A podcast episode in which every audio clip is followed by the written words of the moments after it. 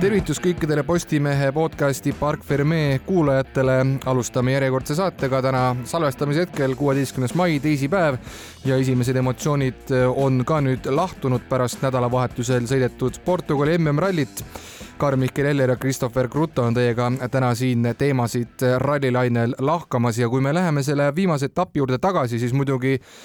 noh, eestlaste jaoks ikkagi kahetised tunded, et Ott Tänak ja Martin Järveoja alustasid ju seda Portugali rallit väga-väga kenasti kolme katse järel, oldi isegi ralli liidrid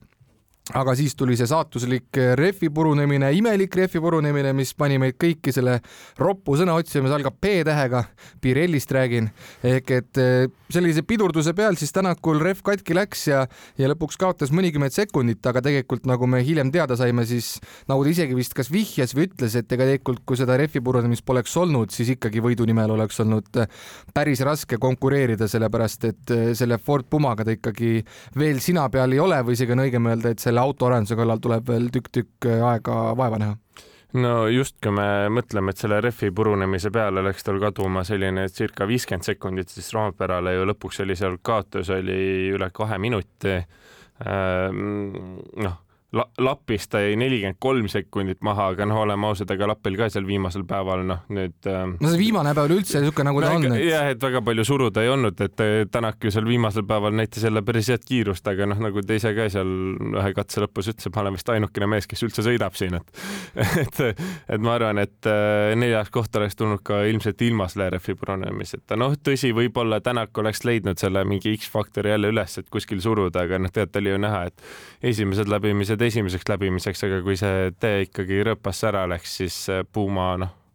no ikka üldse ei liikunud, et väga-väga äh, hädas Ott sellega oli, et et eks, eks saab olema näha, et äh, kuidas Sardiiniaks, ähm, kas suudetakse midagi paremaks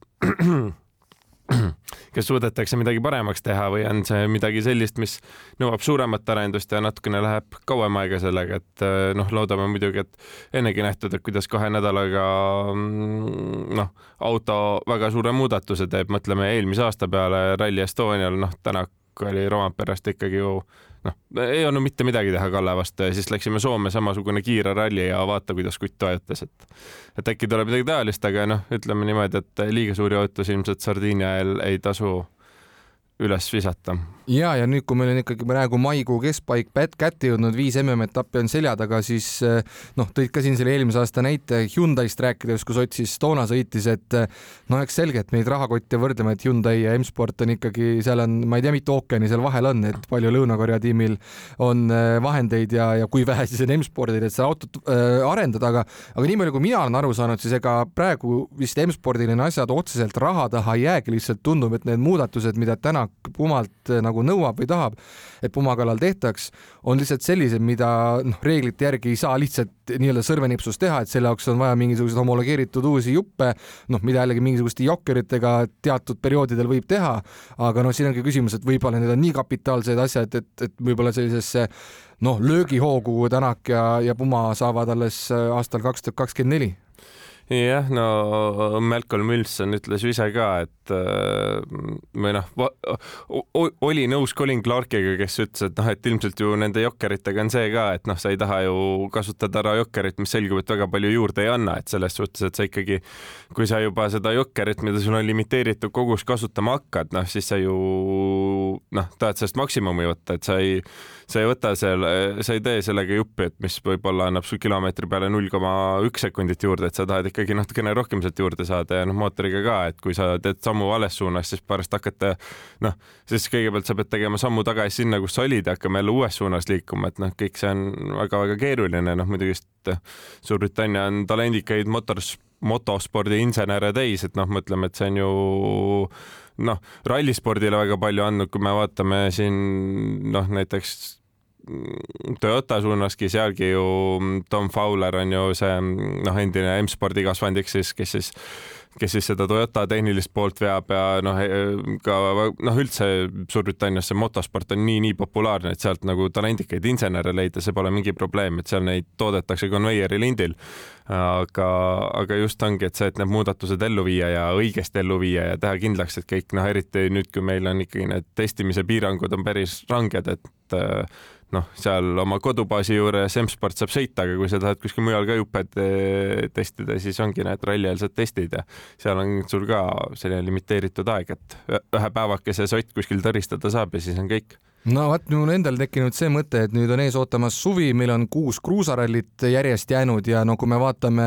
kalendrile otsa, järgmine etapp Sardiinia, no selle kohta Kalle Rovampere ütles juba tabavalt, et talle see ralli pole üldse meeldinud, nüüd läheb esimesena rajale ka, et ega ta suuri ootusi ei sea. Tänak ja, ja Järveoja lähevad siis teisena, no jällegi parem kui esimesena minna, aga aga jällegi, eks ole näha, mis tulemus sealt eh, välja vormitakse, siis tuleb Keenia ja siis tuleb meil ju kaks väga kiiret kruusarallit järjekorras Eesti ja Soome. no ma ei tea, minul küll rallifännina fännina praegu suunurgad nüüd väga kõrgele ei tõuse, et, et nüüd on küsimus, et kui siin on noh, Rally Estonia tegemas kogu aeg head kampaaniat meedias, et, et ostke neid rallipasse, praegu saab veel hea hinnaga, et kas, kas kellel, kellel ei ole neid passe, kas on praegu mõtet kiirustada sinna e-poodi neid ostma, et kas, kas Tänak on nii-öelda kiirel ralli M-spordi Fordiga löögihoos või mitte, sellepärast et et ütleme praegu minul küll,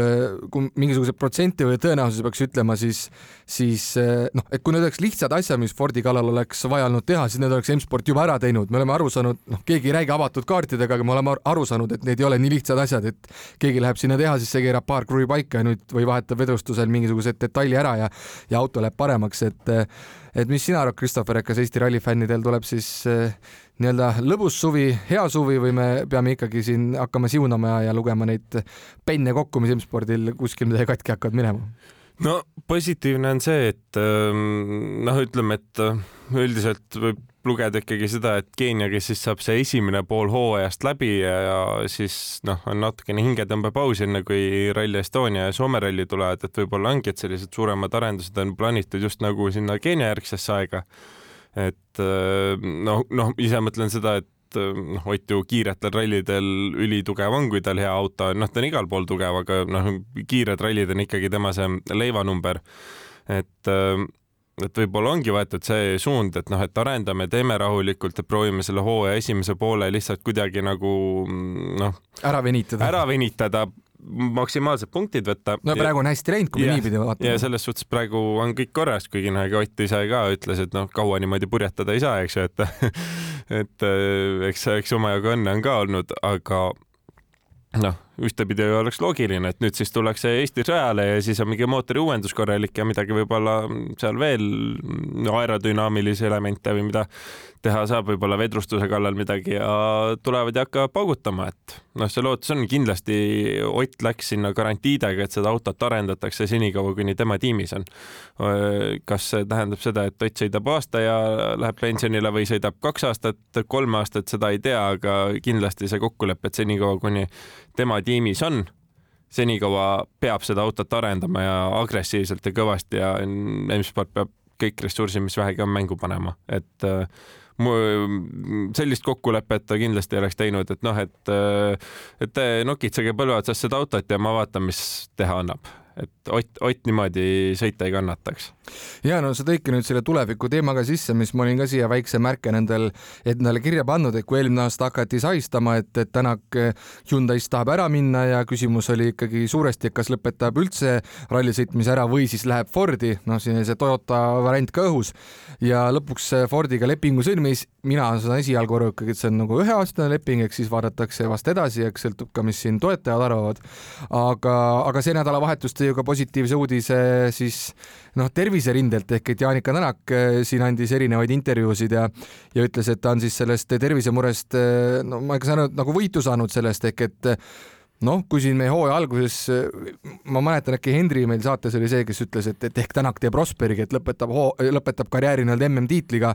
et no siis nüüd mulle tundub, et ikkagi Tänak võtab seda aastat kui M-spordiga kohanemiseks, Fordiga nii-öelda sina sõprust sobitada ja ehk siis kaks tuhat kakskümmend neli oleks variant siis vajutada ja kui me oleme siin ka rääkinud laiemalt, et mis siis ralli tulevikus saab, siis praegune samm ongi ju see, et, et kaks tuhat kakskümmend neli sõidetakse nende hübriidajamitega ralli ühtedega, mis kaks tuhat kakskümmend viis ja sealt edasi saab, võivad tulla mingisugused muutused, aga võivad ka mitte tulla. just, et et see on jah huvitav, et mis sellest kahe tuhande kahekümne viiendast aastast hakkab saama, ise tahaks ka uskuda, et Ott ikkagi järgmine aasta ühe ühe hooaja veel teeb, et täpselt samamoodi, et noh, et praegu on ju ka see, et noh, läks siis nüüd sinna M-sporti hakkab nüüd seda autot enda enda käe järgi sobitama, ütleme, et hooaja lõpuks on juba enam-vähem auto, et millega kannatab nagu rallit sõita ja siis ütleb, et kutid, et ma nüüd sättisin selle auto enda jaoks valmis, aga et äh, oli tore, tšau, et äh, ka tundub minu, võib-olla kui MM-tiitel tõesti õnnestuks võtta, siis äkki tõesti teeb Rosbergi, et noh, et. aga siis on juba auto nii heaks aetud, pagan paneks kolmandale ka onju veel, nii et. no just, aga noh, samas, et ega Toyotas oli ju ka auto nii heaks aetud, et MM-tiitel võtta ja noh, seal ikkagi. seal olid muud tegurid. no seal olid muud tegurid jah, millest ähm, siin ähm, avalikkuse ees, noh, mida lahkama ei hakka, noh. no räägitud ka natuke ikka. natuke räägitud ka, aga noh, et. soomlaste poolt. just aga aga jah, selles suhtes oleks tore küll, et äh, järgmine aasta veel teda näha, et noh, üks asi on see, et noh, me, meil tööalases mõttes on tore, kui Ott sõidab,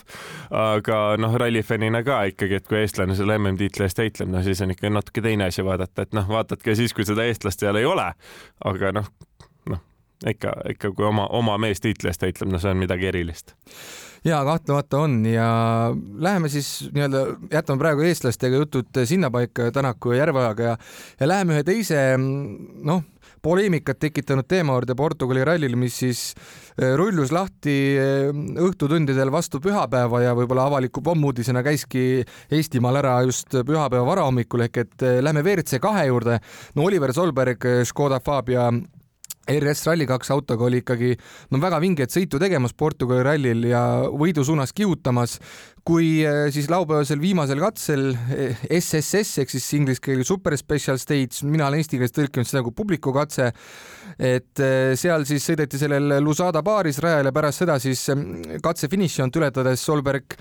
noh, oma isale, isa eeskujul tahtis rallifänne, kes olid kohale tulnud, tuhanded ja tuhanded, neid natukene hullutada ja tegi siis noh, rahvakeeli sõõrikuid, et eh, piruette siis põhimõtteliselt seal Eh, katse, katse finiši järel, aga enne nii-öelda stopp-kontrolli ja, või aja, aja,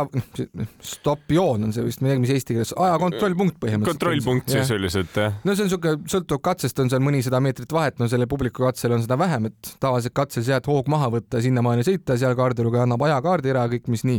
aga eh, kõik tundus hästi, Solberg liikus võidu suunas, aga siis otsustasid kohtunikud karistada teda minutilise ajatrahviga, põhjuseks siis see, et Portugali rallil oli keelatud selliste show'de tegemine nii-öelda siis nii kiiruskatse keskel kui ka, kui ka sellest väljaspool, et eh, see tekitas palju pahameelt. noh, ma arvan, kõik rallifännid ja Solberg ise eeskätt tõstis juuksekarvad eh, püsti, et mis, mis te nüüd teete, onju. ja samas ka WRC sõitjad, eeskätt siis Tänak ja, ja Rovanpera võtsid sinu sõna, et, et tegelikult oli jabur, mis tehti, et, et ei, ma ei saanudki aru, kas Greensmit oli kellelegi raha maksnud või, või kelle kätte seda WRC kahe võitu seal taheti mängida. lõpuks muidugi, olgem ausad, ühe koma viie sekundiga Greensmit ka selle WRC kahe etappi võitis, et Solberg ei suutnud lõpuks seda neljakümmet sekundit tagasi sõita, aga aga ma ei tea, mis Christopher, sina arvad, et me vist jällegi siin pika diskussiooni selles mõttes vist ei teki, et me oleme mõlemad samas paadis vist, et no jaa, noh, ütleme niimoodi, et ma saaks veel aru, et kui on nagu sul tavakatse, eks ju, mis sõidetakse nende teede peal, ei ole kõige laiemad, vaata, fännid võivad seal kuskil suhteliselt lähedal olla, noh, see on nagu üks asi, et oleks see, see nagu seda seletati, et neid sõõrikuid ei saa teha sellepärast, et ei ole turvalist kohta tegemiseks. nagu palun vabandust, see oli selline nagu. enam turvalisemat kohta pole. enam turvalisemat kohta ei ole, sul on betoonseinad äh, mõlemal küljel, lai rada, fännid kaugel eemal. just täp-, just täpselt selles samas kohas on mingi sada pluss kilomeetrit tunnis sõidetud minut varem ja siis nüüd järsku see ei ole turvaline, et nagu see seletus äh, ei päde. et Äh, ja noh, tõesti publiku katse ongi ju fännidele, et ralli suures plaanis need üldiselt väga suuri muudatusi ei tee, kui noh, noh, okei okay,, aeg-ajalt mõni mees ikka on suutnud seal nendel seina ka üles leida, aga noh, see on ikkagi suhteliselt harv, et et noh, eelmine aasta vist oli äkki, kas oli Mikkelson vist, kes Kreekas suutis kohe sellel esimesel publikukatsel seal staadionil suutis enda auto natuke katki teha. no ja kas sa loed seda ohtlikuks olukorraks, okei okay,, auto oleks katki, aga see ei tekitanud kellelegi mingit ohtu. noh, selles suhtes, et eh, oleks ta seal sõõrikuid teinud, oleks. seal polnud ruumi ka väga. no seal ei olnud, aga noh, ütleme niimoodi, et selles suhtes oleks ikka olnud ohutu ja no Sõõrbergi puhul ka, et see oli noh kui see ei ole ohutu koht sõõrikute tegemiseks, siis ma, siis sellist kohta nagu planeedil Maa ei eksisteeri see, lihtsalt. see on selles mõttes jabur, et kui ma kerin ajaratast tagasi paar nädalat toimunud EM-etapile Kanaari saartel, siis seal terve esimene katse seisneski sõõrikute tegemisest keset korvpalliareeni, mis, mida nägi ka see võistlus ette, et siis on nagu tobe vabas õhus öelda, et nüüd seda teha ei või. aga Dirtfishi mehed tegid head kahlamist nagu reeglistiku raamatus ja tõid välja ka selle punkti, millest mina polnud ka teadlik, et ei ole ju kõiki neid punkte pähe õppinud. aga et FIA annabki siis loa loa ralli korraldaja otsustada siis, kas selline show tegemine kiiruskatse ajal või siis vahepeal on lubatud või on keelatud. Ja ma saan aru, Portugal on siis üks nendest etappidest, kes ütles, et, et see on keelatud. Ja, ja, ja oligi vist, et Solberg ei teadnud seda, et EL seda võib teha, aga tegelikult ta ei teadnud seda, et see bulletin on nii-öelda avaldatud. jah, see on siis jah, see supplementary regulation või siis lisaregulatsioon, noh, ilmselt on eesti keeles kõige õigem öelda, et selline, mis ei ole selles ametlikus reegliraamatus kirjas, vaid on ralli korraldajate olete enda poolt siis välja antud lisa nagu sellised ähm, ähm, noh, reeglid, mida, mida siis tuleb jälgida, et selles suhtes muidugi noh, Solbergilt selline lapsik eksimus, mida ta ilmselt mitte kunagi enam ei tee. ma arvan, et tänu temale nii mõnigi rallimees seda ei tee tulevikus, et äh, loetakse ikkagi need lisaregulatsioonid ka põhjalikult läbi. aga noh, hakates siis rääkima sellest, et siis tuleb muidugi see teema sinna juurde, mis Tänak ütles ka, et noh, kui siis selline regulatsioon oli kirjas, seal oli ka kirjas, et karistuseks on viis minutit. noh, Solberg sai ühe minuti, et nagu, et äh, mina olen Tänakuga täpselt samas paadis, et kui juba teha sellised reeglid, nagu miks siis nagu hakatakse pärast karistusega nagu noh selles suhtes jah, see viis minutit oleks olnud nagu eriti ülekohtune, noh, see üks minut oli juba üle, ülekohus. aga noh, kui reeglites on niimoodi kirjas, noh, siis ju võiks selles suhtes ikkagi reegleid järgida, seal ei olnud kirjas, et et karistus näiteks kuni viis minutit, millisel juhul sa saad ka ühe anda, et ütled, et noh, see oli kõige turvalisem koht, kus teha sai, noh, aga meie arust ikka ohtlik või noh, meie ei lubanud, aga noh, selles suhtes noh, keegi viga ei saanud, et ja oleks kuskil mujal teinud, et siis et siis võib-olla oleks suurem karistus, aga seal oli konkreetselt kirjas, et kui reegleid rikkuda, on viis minutit karistust, aga noh, ei olnud viis minutit karistust, et kellele siis nagu see karistus seal ähm, reeglistikus nagu juurde on pandud, kui reaalsuses kohtunikud nagu noh, ei julge seda määrata ja, ja tegelikult äh, jällegi tulles selle Dirtfishi artikli juurde tagasi, mis neid etappe kokku luges, kus on sellel aastal olnud lubatud nii-öelda, no see ainult sõõrikud seal vist üleüldse show tegemine rahvale on see või nii-öelda exhibition oli see ingliskeelne sõnastus sellele, et mida, mida see võib teha, mida mitte. selgus, et Monte Carlo rallil polnud selle kohta silpigi öeldud, ehk et noh, põhimõtteliselt sa oleks võinud äh, Monte Carlo linnatänavatel lennata ringi seal külge ees ja driftida põhimõtteliselt, noh, okei okay,, seal sa pead muidugi neid liiklusreegleid järgima, aga aga, aga jah, põhimõtteliselt no see noh, kokkuvõttes ikkagi tobe olukord aga, aga selles mõttes noh, et see oleks võinud ju Solbergile ka nii-öelda õnneliku õnnetusena lõppeda, lõpuks ikkagi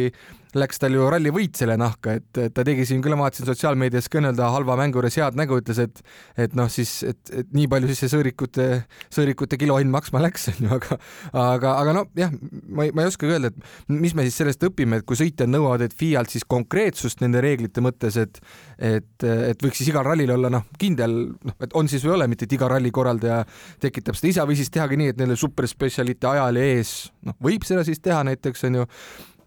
või on siis veel kolla, kolmas küsimus, et äh, ma isegi ei mäleta, ma nüüd ei kiri aastat välja oma mälusopist, aga aga Portugali ralli ju see finiši poodium, mida teleülekandes enam ei näidata, mis toimus seal Portos Atlandi ookeani ääres, minu meelest seal isegi Tänak ise on autoga publiku ees kuskil kitsas koridoris nii-öelda asfaldi peal äh, sõõrikuid teinud või oli see keegi teine, et äh, järelikult siis mingitel aastatel see Portugalis on lubatud olnud, et noh, et see on ka nagu niisugune, et et kus me selle joone siis maha tõmbame ja, ja mis karistuse sellest annab, et noh, teoorias oleks võinud sellest kindlasti olnud ka rahakaristusega piirduda, aga, aga need reglementi pandi kuni, kui mitte et kuni, vaid pandigi, et viieminutiline karistus, mida siis kohtunikud lõpuks alastasid. Äh, ma arvan ka, et äh, võib-olla see, see on selline koht, et ähm, rahakaristus oleks olnud kõige ausam, et, äh, et noh, reegleid rikkus, noh, kahjuks jah, see reglement oli kirjutatud nii nagu oli, aga noh, nagunii seda väänati, noh, oleks siis ju võinud natukene veel. et oleks ka selline viis tuhat viis tuhat eurot, kümme tuhat eurot trahv, selline krõbe trahv, noh, aga et äh, ikkagi noh, tulemuse poolest ma, äh, nagu noh, et rallivõitu ära ei võeta, ega isegi Greensmit ütles, et noh, see, see, see ei ole nagu noh, normaalne otsus, et äh, või noh, selline, et see on ebapopulaarne otsus, et ta andis ka ikkagi läbi lillede mõista, et noh, et, et ega talle ka see ei meeldinud, kuigi see rallivõidu tõi, aga noh, ega tegelikult üldiselt rallisõitjad, noh, sa võtad selle rallivõidu muidugi vastu, aga noh, sa ei taha seda rallivõitu niimoodi teenida, sa tahad selle ikkagi ausalt, ausalt sellise kõva võitlusega välja teenida, et ähm, et jah, selles suhtes mina, mina pooldaks seda, et üks variant oleks siis see, et tehagi, et kui on publiku katse, et siis publiku katse lõpus näiteks teha mingi väikene selline alake või kastike, et ähm, kes soovib, saab teha söörikuid, ei pea tegema näiteks, et on lihtsalt noh, saaks näiteks teha sellise määratud ala, et sa tuled katse pealt ära, saad teha veel kaks söörikut äh, natuke pärast finišijoont ja siis näiteks sõita intervjuud andma või midagi taolist. sest noh, fännidele tegelikult äh, noh, mäletan ka, kui me nendest publikukatsetest siin üks saade mm, ikka mõned kuud tagasi juba rääkisime, et siis ju ka noh, Henri ka vaata alguses noh, ütles, et noh, kellele neid vaja on, aga meie olime ju mõlemad samas paadis, et need ongi just nagu fännidele ja eriti just sellised võib-olla noh, need casual fännid või need, kes ei ole sellised, kes sul metsa vahel lähevad, aga et kui autod ikkagi tulevad, nad tulevad sinna tänavatele vaatama ja, või staadionitele või kus iganes ja noh, seal ongi, et eh, need ongi inimesed, kes tahavadki näha selliseid sõõrikuid ja mm, külge ees sõitmist ja kõike seda, et eh, ja noh, selles suhtes Solbergi see koht, kus ta tegi, minu arust oli nagu väga õige. et, eh, et ikkagi see on ka jälle üks see koht, et selliste otsustega on väga kerge neid nagu fänne eemale peletada, et selle asemel, et nagu fänne juurde meelitada, et mis nagu noh, see on see odav võimalus ähm, näiteks no mingite laste südameid võita, et kui ta näeb ühe korra näeb seda autot, seda, neid sõõrikuid tegemas, siis võib juhtuda, et ta on elu lõpuni pärast rallifänn, et aga kui ta neid sõõrikuid ei näe, siis äkki ei ole ja no ja kui me vaatame seda WRC kahe punktiseisu ka, et noh, eriti jabur oleks olnud veel ju see, et kui Greensmit oleks hoo maha võtnud, oleks Solbergi lasknud võita, et siis oleks olnud see eriti nagu selline totter olukord. Õnneks või kahjuks Greensmit seda ei teinud ja Solberg ei suutnud ka ausa sõiduga seda no sõitis selle vahe peaaegu et nulli, aga lõpuks ikkagi Greensmit võitis ja kui punktitabelit vaadata, siis WRC kaks on meil nüüd eriti põnev, sest et juhib meil Portugalis neljanda koha saanud Rossell kuuekümne viie punktiga, Solbergil on kuuskümmend neli punkti ja Greensmitil kuuskümmend kaks, nii et meil on, nüüd on WRC kahes vaata kõige vingem see punktitabeli seis praegu. Aga läheme järgmise teema juurde ja see läheb jällegi siis sinna tippklassi juurde ehk siis WRC juurde ja võtame jälle siis Hyundai meeskonna endale käsitluse alla. Ja kurvast sündmusest Craig Priini surmaga lõppenud õnnetusest Horvaatias on nüüd möödas juba rohkem kui kuu. Ja nagu ikka, et loodus kahjuks õnneks tühja kohta ei salli ehk et ehk et minnakse ikkagi edasi ja spekuleeritakse juba meedias päris avalikult sellega, et noh, mis siis saab Hyundai'st, et, et välja on öeldud, et Tanis Ordo, kes on nende kolmas sõitja, no kõiki etappe seast ta nüüd järelejäänud võistlusi kaasa ei sõida, mis on ka igati loogiline. ehk et küsimus on siis kerkinud, et kellest saab siis eh, Hyundai neljas sõitja, et eh, Soome meedia siin nädalavahetusel eh, kippus sinna püünele riputama Teemu Sunineni, kes on siis praegu, kuulubki Hyundai meeskonna palgalise sõitjana, aga sinna WRC kahe meeskonda ja tegelikult ja kui, kui mõtlema hakata, et ega siis mingis mõttes Suninen polekski üldse halb valik, sellepärast et Sordo ju ma saan aru, et on, pole küll lõplikult kinnitatud, aga on, on Hyundai tiim vihjanud, et, et noh, Sordo, Sardiinias on ta kindlasti stardis ja et suure tõenäosusega Keenias, aga, aga siis tulevadki need kaks kiiret rallit Eesti ja Soome ja no seal pole nagu Sordot, ma arvan, mõtet rajale saata, sellest saab Sordo ise ka aru, et ilmselt ei tahagi ise sinna starti minna, et küsimus ongi siis, kes ja võib-olla, et Suninen nendel rallidel polekski nii kehv valik. No ma ise võtaks siis jah kinni siin ähm, Hyundai tiimipealiku Cyril Abitebouli sõnadest, kes siis rõhutas seda, et et noh, et nad äh, vaatavad sõitja puhul nagu ikkagi sellist ähm, keskpikka ja pikemat perspektiivi, et nad ei taha tuua kedagi nüüd ainult selleks hooajaks, vaid nad sooviksid ikkagi tuua kedagi, kellega saaks pikemalt seda koostööd teha. ehk siis see tähendab ka vanuse poolest peaks see sõitja olema selline, et nagu noh, ikkagi mitu aastat veel sõidab ja püsib tipus ja noh, see, see sellise kirjelduse järel on nagu keeruline vaadata Suuninenist kuidagi mööda, sellepärast et tema on Hyundai Rally1 autoga saanud testida. Ehm, ta kuulub Hyundai rivistusse, ta on ikkagi kiire sõitja, ta ilmselt ei ole tulevane maailmameister, seda küll tuleb tunnistada. et ehm, ütleks, et natukene sellisest nahaalsusest tal jääb puudu. Et aga, aga noh, selles suhtes kiiretel rallidel. ja kus ta startida saaks ka väga hea koha pealt. jah, et olla konkurentidelt punkte võtma, no miks mitte, mina ei näe küll põhjust ja noh, Eesti ja Soome on ju talle mõlemad väga tuttavad teed.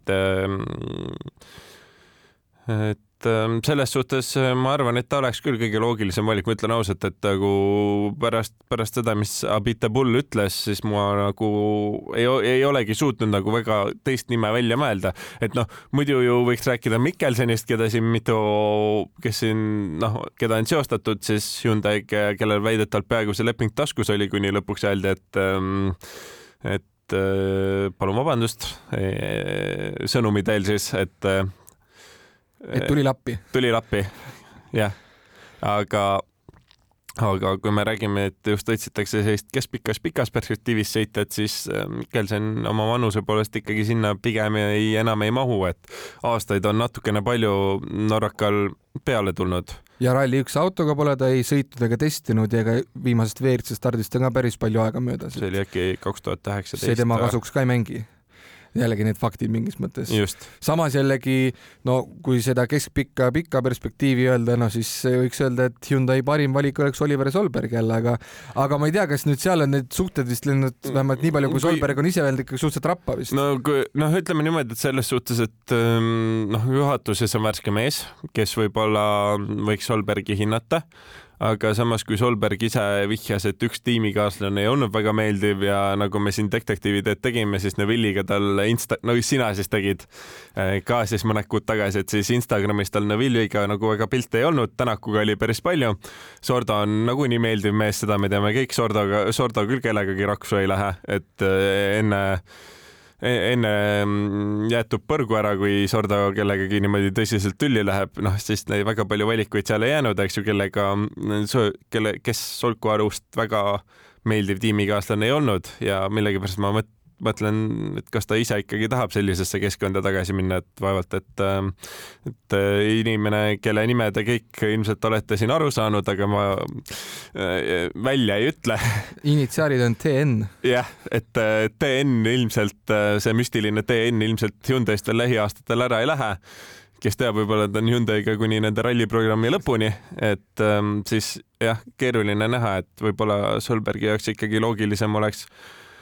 no vaat, mida teha siis. Pole no, väga palju variante. aga samas noh, võib-olla Toyotas ühel hetkel on ikkagi vaja, noh, oleme ausad, Katsuta siin ikkagi kolmanda sõitja mm, rollis on ämbreid päris palju kõlistanud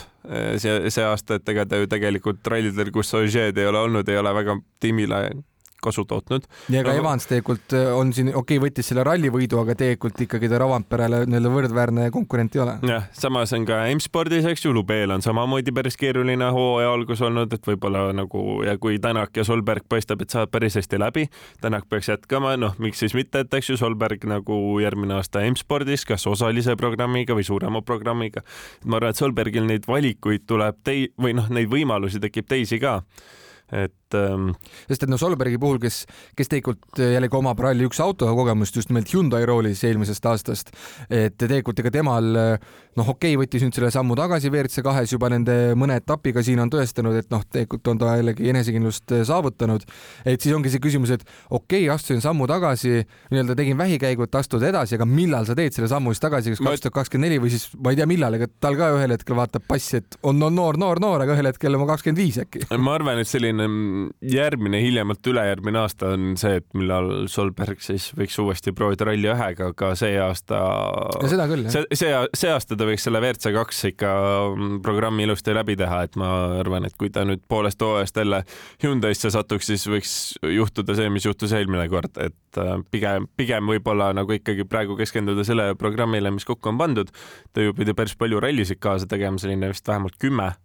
noh, kolmeteist, kui me võtame, et kolmteist rallit on, et see on ikkagi suhteliselt lähedal täishooajal, et et ja noh, nagu me siin varem oleme rääkinud, et ega tal ongi just see, et noh, et kui me vaatame Kalle Romperet, siis tema kogu R5-ga seal WRC kahes oma kogemused ära, tuli maailmameistriks ja siis astus nagu selle sammu, et tegelikult Solbergil see samm nagu jäi poolikuks, et ega tal seal WRC kahes väga palju neid rallis ei olnud, enne kui ralli üks autosse siis tõsteti ja noh, oli näha, et ikkagi kohati kogemustest tal puudu jäi, et praegu on hea hoog sees, enesekindlus tõuseb et, et ma arvan, et ta saab ise ka aru, et praegu, praegu siin keset hooaega hakata jälle kaarte ümber mängima oleks, oleks, oleks suhteliselt loll tegu. ja noh, ja see ongi ikkagi Teemu. no ma just tahtsin jutuga jõuda tagasi, et okei okay,, rääkisime Solbergist, saime aru, et noh, Hyundai'ga ilmselt niikuinii ei tule midagi. et kes siis jääb lauale, et Suninen, sest et noh, ma tegin siin väikse statistika ka nii palju, kui mina kokku sain, et kes on need sõitjad, kes on ehk siis eelmine aasta, see aasta Rally1 autoga sõitnud, aga, aga praegu nii-öelda sõitja kohta ei oma, et siis ongi Gus Greensmith on veel selles valikus, kes eelmine aasta sõitis M-spordiga, Jari Huttunen, kes sõitis M-spordiga Soomes ühe ralli. No, siis muidugi veel mm, no, jaa, logo M-spordiga. aga sõitis onju yeah.. ja siis äh, veel need meie härrasmeessõitjad Lorenzo Bertelli ja Jordan Serderidis, kelle me ilmselt Hyundai programmist võime välja jätta onju. et äh, kui nüüd võtta see loogika, et noh, okei okay,, me ütleme, et sinna Eesti ja Soomeni on natu-, on veel aega, aga tegelikult ega see on kohe-kohe ukse ees. Ja Suninen ütles ka Soome meediale väga hästi, et tegelikult või isegi tõi selle Miga Voorele vist ise oma artiklis välja, et et eh, no selge, et okei okay,, paneme neljandaks sõit- või noh, kolmandaks sõitjaks eh, kiiretele rallidele kellegi, aga talle peab ju testimist kandma, et pole mõtet lihtsalt lükata ja teha siis nii-öelda Huttuneni, et annad talle kakskümmend kilti sõita, nii ja mine nüüd vajuta, et siis ta lõpetab kas suure tõenäosusega kuskil võpsikus või ei julge üldse gaasi anda.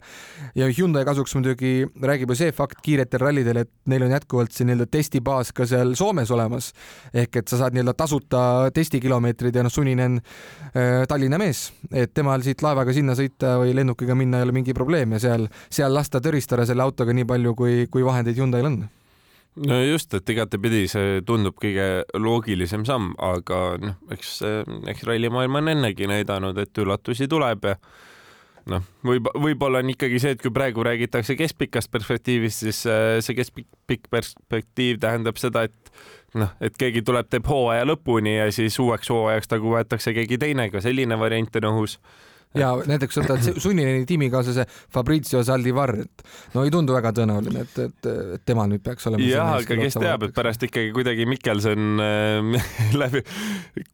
kolmas kord või noh, see kolmas kord on vähe öelda, kümnes kord, kui ta sinna Rally1 autosse proovib saada, et äkki siis nüüd lõpuks õnnestub või midagi, aga jah, kõige loogilisem ikkagi tundub see, et äh, Sunninen see on, kes, kes Priini, Priini koha siis endale saab, aga, aga jah, no muidugi vist äh, tahaks ikkagi siin, äh, kui me nüüd siin Hyundai kolmanda, noh, teise-kolmanda sõitja paika panime, siis tahaks ikkagi korra tulla tagasi nende karistuste juurde, et ähm, ja siis ka Hyundai teemas püsida, et see Neville'i ja Vidage eksimus et äh, seal oli siis see, et ta unust-, kaardilugeja unustas siis ajakontrollpunktis selle äh, kaardi või nii-öelda aja, ajakaardi üle anda ja siis nad said selle eest, teoorias pidanud saama päris korraliku litri, aga äh, tegelikult teoorias oleks pidanud saama diskvalifikatsiooni, sellepärast et kui seda aega seal ei ole, siis siis pärgitakse sinna, kui ei eksi, on punane stopp ja on siis noh, sisuliselt ralliga kõik. noh, isegi kui sõidad lõpuni ära, siis tagantjärgi ikka on ralliga kõik et äh, sellest katsest alates sul siis rohkem aegu kirja ei lähe aga said lihtsalt päris krabeda trahvi, aga minule, minule tegi nalja kohtunike seletus see, et, et noh, kuna neil olid autoga probleemid seal seitsmeteistkümnendal katsel, noh, mille lõpus siis unustati ajakaart anda, et noh, et siis sellises pingelises olukorras võis tõesti ununeda, aga kui me nüüd mõtleme sellele, et mis olukorras olid kolmanda kiiruskatse lõpus Pierre-Louis Loubet ja Nicolas Gilles, kes arvasid, et nende auto põleb kes no, asusid seda kohe kustutama, sõitsid kõigepealt sealt kontrollpunktist mööda. mis on ka tegelikult karistatav. mis on karistatav, aga noh, ilmselt selles olukorras no. nagu kohtunikud said aru, et see oli selline force majeure. no tal vist pidurid enam-vähem ei töötanud. jah, ja selles suhtes, et ja noh, selles suhtes, kui sa kahtlustad, et auto põleb, selles oli ka, oli tark Telgi otsus. alla põlema, et. ja just, et sa sõidad ikkagi inimestest natukene eemale, et sa ei jää nagu inimeste keskele selle põleva autoga ja noh, seal ju kustutati ka ja tehti ja tükk aega mässati selle autoga. aga näed. põlengut ei olnud et põlengut ei olnud, aga Gilles Sull andis selle kaardi ikkagi ära ja sai siis tagasi, ehk siis see tähendab seda, et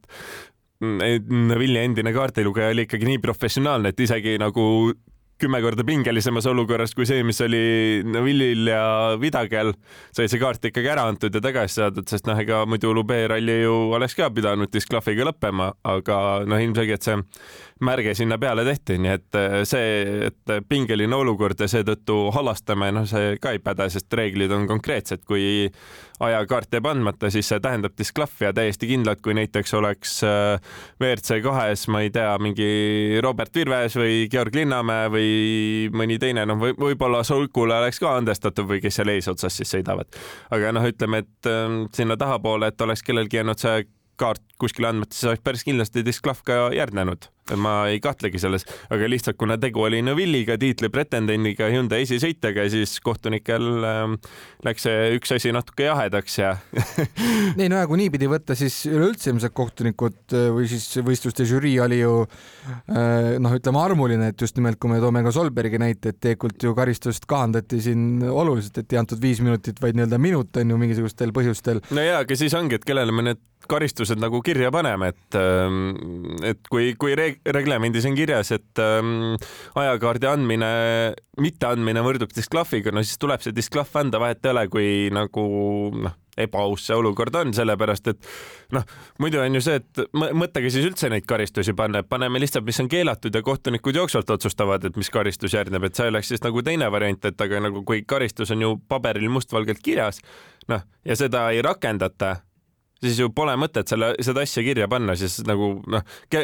kelle jaoks neid nagu reglemente kirjutatakse, kui, kui neid siis ise ei järgita. et äh, tiimid ja sõitjad peavad küll nagu äh, millimeetreid mõõtma juppidel, et äh, kõik oleks mõõdus, et kui, kui üle lähed, noh, okei okay,, seal mõneprotsendiline eksimus on lubatud, et see eksimuse määr on sinna sisse arvestatud, aga üle selle siis äh,, siis ju ka samamoodi, et ikkagi saad karistada et aga miks siis kohtunikud nagu võivad oma loomingut teha? no eks jällegi mingis mõttes natuke oma loomingut ilmselt on lubatud teha, sest et, et noh, muidugi reeglistik on ette antud, aga eks lõppkokkuvõttes kohtunikel ja žüriil ongi noh, peavadki ka arvestama siis erinevaid eh, nii-öelda neid noh, võistkonna siis või, või sõitja seletusi ja, ja olgu siinkohal siis üles loetud ka need inimeste nimed, on nad kuulsad mitte, Eduardo Deleani, Andrew Kellit ja Luis Toure de Matos olid siis Portugali rallil need mehed, kes õigust mõistsid ja ja ega võistluste žüriisse siin võivad kuuluda ka meie oma mehed, et seda on siin ka varasemalt juhtunud, kas Silver Kütt isegi mitte mõnel MM-etapil on seal neid kohuseid täitnud, et üks Rally Estonia korraldajatest ja võistluste juht olnud seal, et, et et jah, eks siis ole näha, mismoodi need olukorrad siis välja paistavad, vähemalt seekord Eesti meeste õlule siin mingisugust äh, süüd pudistada sellisel juhul ei saa, aga võtame siia saate või tahtsid sa öelda, Kristofer? Äh, ei, ma muidu ei tahtnudki öelda, et selles suhtes ma ei ütle, et nagu, et see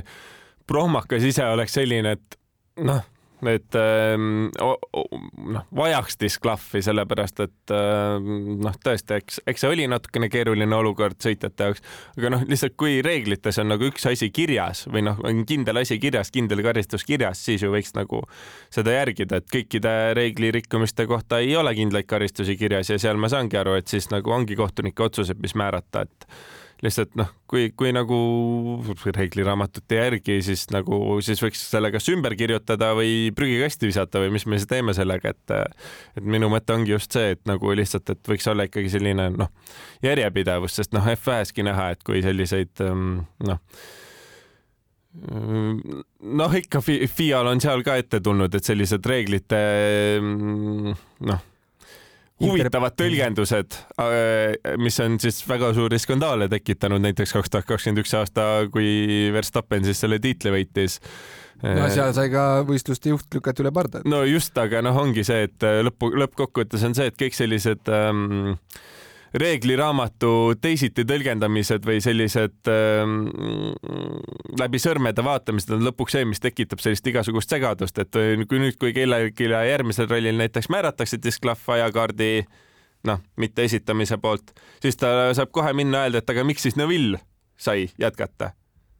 Noh, kui mina oleks rallisõitja, isegi sõidaks, ma ei tea, Rally3 autoga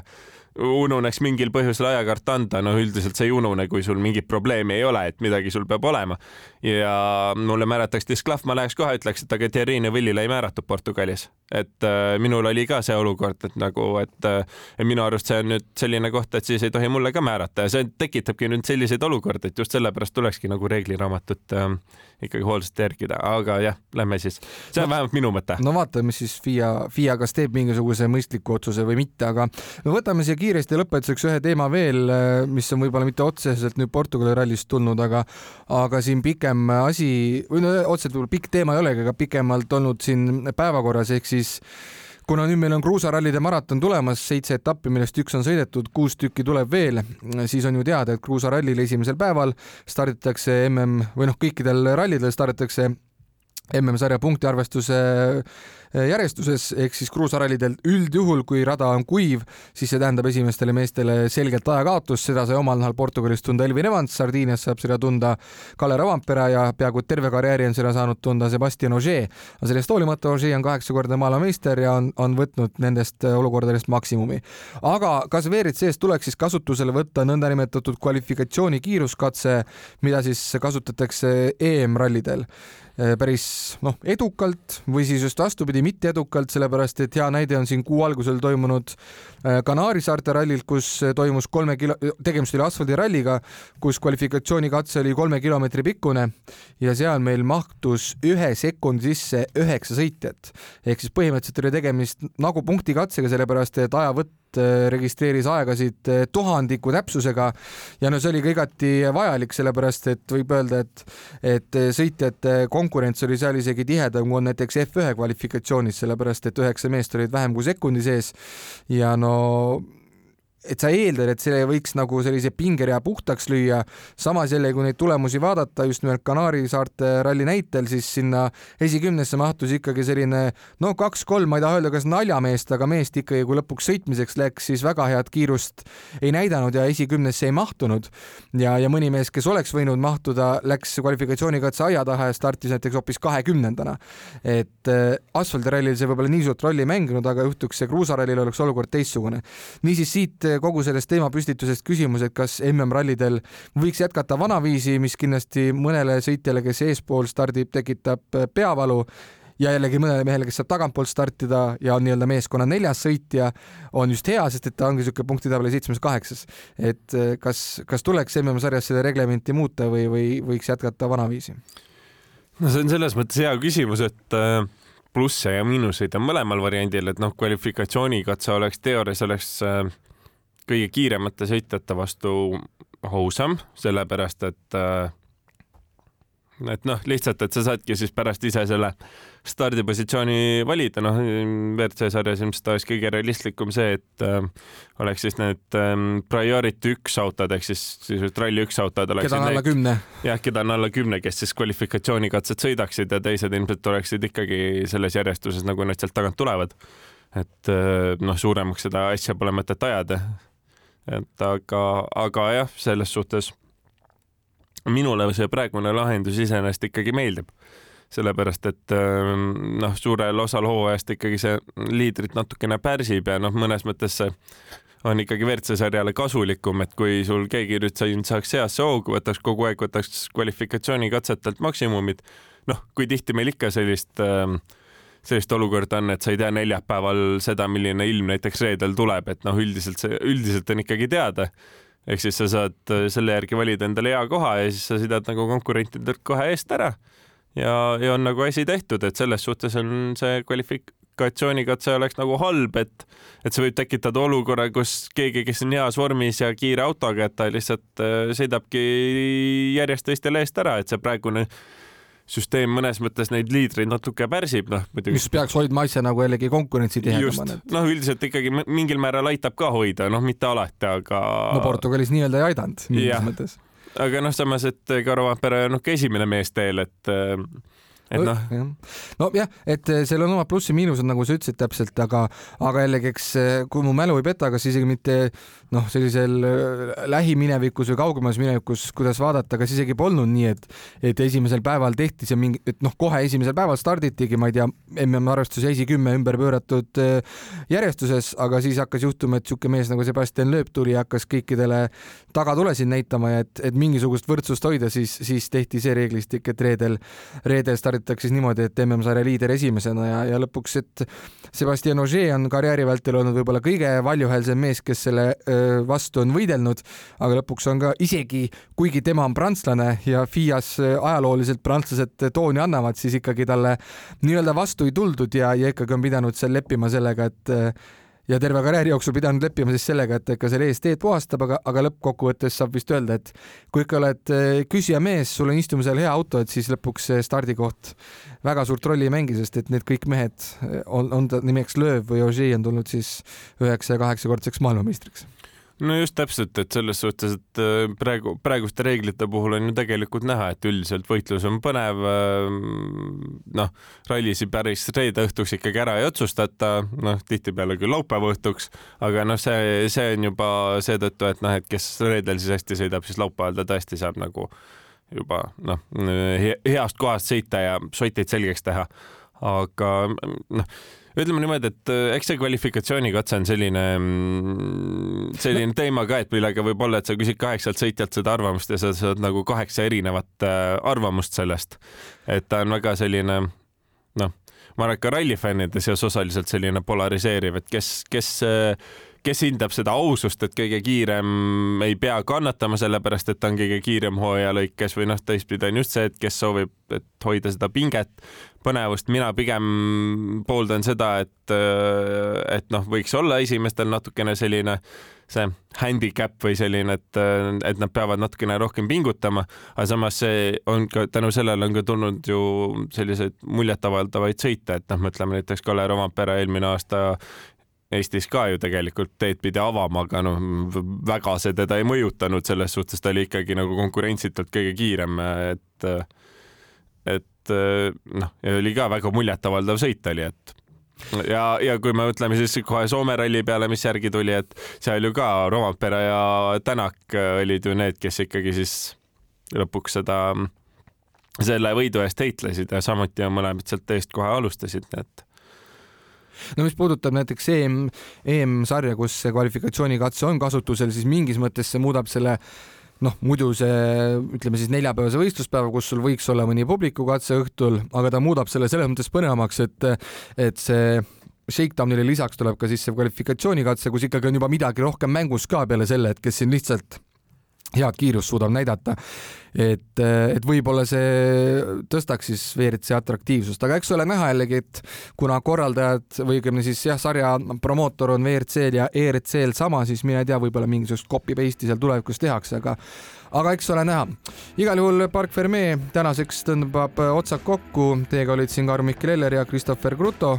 järgmisest nädalast on meil tagasi ka Hendri Lääne ja eks siis juba kuulete, kas oleme stuudios kahekesi või kolmekesi. igal juhul täname ja kuulmiseni